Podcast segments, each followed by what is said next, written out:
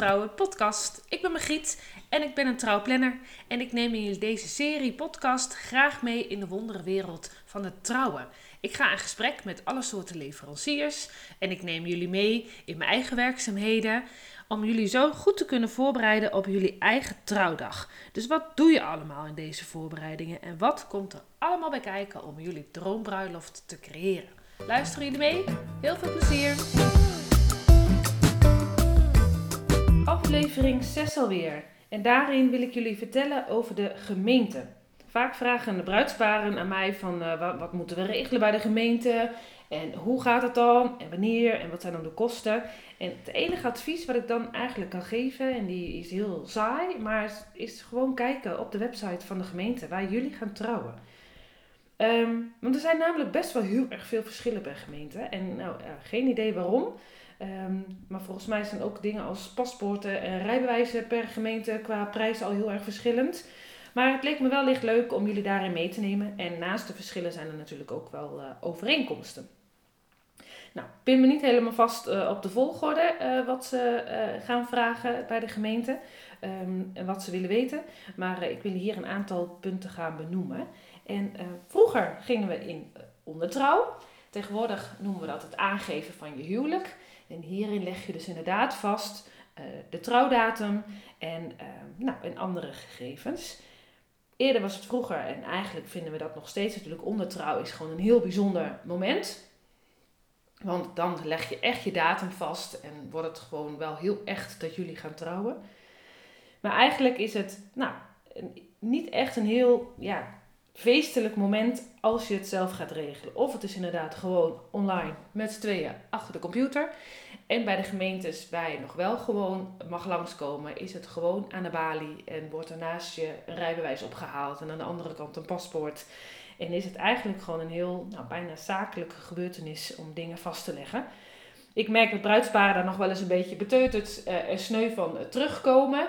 Dus bij deze, uh, nou, wees erop voorbereid en maak er dan vooral zelf een feestje van. Door bijvoorbeeld lekker te gaan lunchen of uit eten of een fles bubbels open te trekken bij thuiskomt.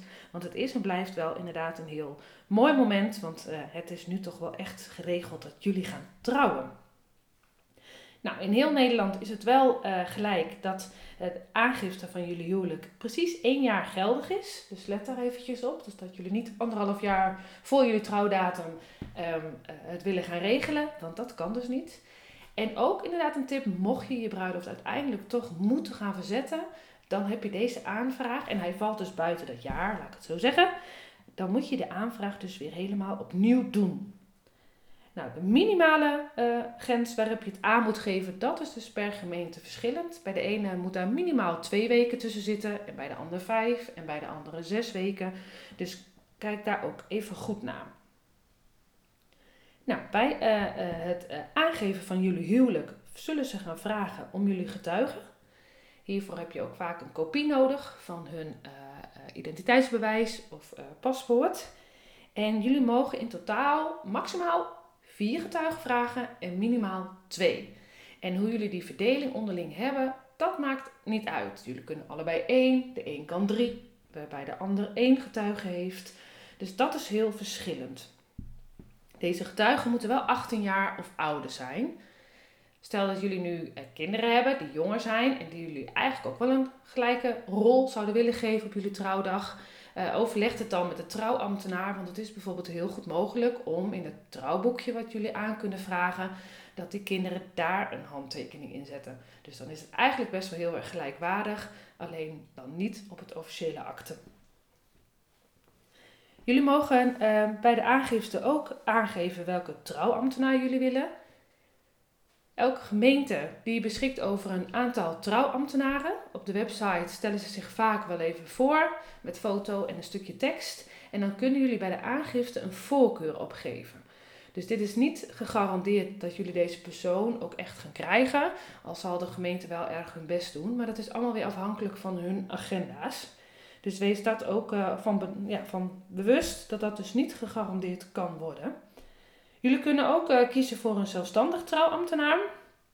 Um, of iemand beëdigen voor één dag. Maar dit kan wel verschillend zijn per gemeente. Dus kijk daar goed naar. De ene gemeente wil wel een zelfstandig trouwambtenaar, maar niet iemand voor één dag. En bij een andere gemeente kan het allemaal. Ehm, dus kijk hier inderdaad goed naar. Je zult zien dat hier de prijzen ook weer van verschillen. En ook daarin zal je ook tegenkomen welke uh, andere punten of documenten er dan aangeleverd moeten worden. Nou, jullie zelfstandig trouwambtenaren, als jullie die al gekozen hebben, uh, die kan jullie daar ook goed in ondersteunen. En uh, nou, wil je trouwens meer weten over al die verschillende soorten ambtenaren en zelfstandig trouwambtenaren, dan uh, kunnen jullie mijn podcast aflevering 4 nog eens terugluisteren. Dan ga ik daar nog wat dieper op in. Um, nou, de trouwlocatie, die willen ze ook heel graag weten. Tegenwoordig kun je eigenlijk bijna wel overal trouwen in, in Nederland en de gemeentes. Um, soms hebben de gemeentes een, nou, een zestal trouwlocaties aangewezen uh, waar jullie mogen trouwen en mag het daarbuitenom verder niet. Dus ook dat weer goed kijken. Um, het kan zijn dat je niet in jouw gemeente in je eigen tuin mag trouwen. Dus daar moet je nog even goed naar kijken. Je, kunt, je zult ook weer zien dat hier de kosten erg uh, verschillend uh, van zijn. De, de, de ene gemeente die heeft een, een, een, goedkoper bedrag voor hun eigen trouwlocatie. En moet je weer veel meer betalen als je op een externe locatie gaat trouwen. Um, nou, het, het, zal misschien wel niet je keuze beïnvloeden, maar wel goed om je voor je budget om dat goed in de gaten te houden. Daarnaast biedt ook nog eens een keer elke gemeente een gratis moment van trouwen. Meestal is het de maandagochtend of de dinsdagochtend. En um, nou, het kan soms uh, schelen inderdaad om dat te kiezen voor je budget, zodat je dat weer aan iets anders uit kan geven. Mensen kiezen er bijvoorbeeld ook voor om wat meer rust te creëren op de bruiloft. Um, zodat ze niet naar verschillende plekken hoeven te gaan of gewoon omdat ze meer rust op de dag willen. Dus uh, Zo'n moment is ook nog mogelijk. Um, nou, even kijken. Als laatste um, is het in Nederland verplicht om eerst voor de wet te trouwen. En daarna mogen jullie in de kerk of moskee trouwen. Dus die volgorde uh, ligt vast. Wat ik soms wel eens heb meegemaakt is dat je een verkort huwelijk aan kan vragen. Dus dan heb je echt een praatje van 10 minuten waarin de ambtenaar nou, alleen maar jullie de vraag stelt en het ja-woord vraagt. En dat jullie dan vervolgens, dit, dit kan dan bijvoorbeeld plaatsvinden in de kerk, en dat dan vervolgens de dominee het overneemt in, uh, met de trouwdienst en dat daar dan de rest van de ceremonie plaatsvindt. Um, nou, dit kan ook een idee zijn om uh, een minder drukke dag te hebben, maar wel op de dag zelf uh, te trouwen ook. Nou, zo zie je. Um, um, oh, ik had het natuurlijk ook nog over dat trouwboekje net. Um, dat is een boekje uh, die jullie meekrijgen. De actes die blijven namelijk allemaal achter in het gemeentelijk archief. Dus die zien jullie eigenlijk na jullie trouwen, als het goed is, uh, nooit weer. En een trouwboekje kunnen jullie aanvragen.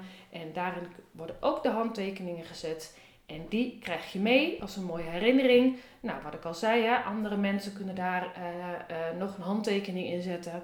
En wat ook mogelijk is, is dat als je eventueel daarna nog kinderen krijgt, dat je dan bij het inschrijven van jullie kindje dit boekje meeneemt en dan worden ze daar ook ingeschreven. En ook hier zul je zien dat de prijzen uh, ook weer uiteenlopen. Ik blijf dat wel heel grappig vinden eigenlijk. Je verwacht het aan de ene kant niet. Um, nou, en volgens mij hebben we dan een heleboel gehad over de gemeente. En uh, nou, mochten jullie vragen hebben, laat het me weten. Dan uh, denk ik graag mee. Maar uh, nou, vooral dus het advies, kijk vooral op de website van de gemeente waar jullie gaan trouwen.